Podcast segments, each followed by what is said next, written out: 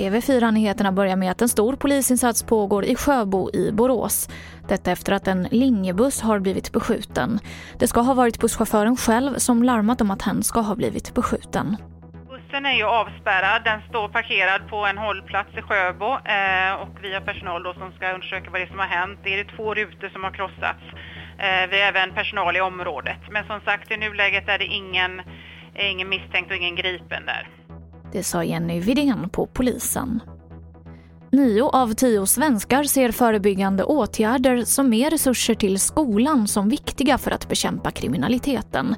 Detta enligt en undersökning som Novus gjort på uppdrag av SVT Nyheter. Och svaren visar också på ett starkt stöd för till exempel fler poliser och hårdare straff.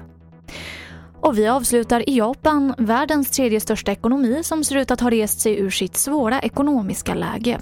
Coronapandemin har slagit hårt mot landets ekonomi som haft sin kraftigaste nedgång sedan år 1980. Men nu har alltså läget vänt uppåt och enligt experter så är det en ökad export och en större nationell efterfrågan som lyckats vända ekonomin. Och det var det senaste från TV4 Nyheterna. Jag heter Emily Olsson.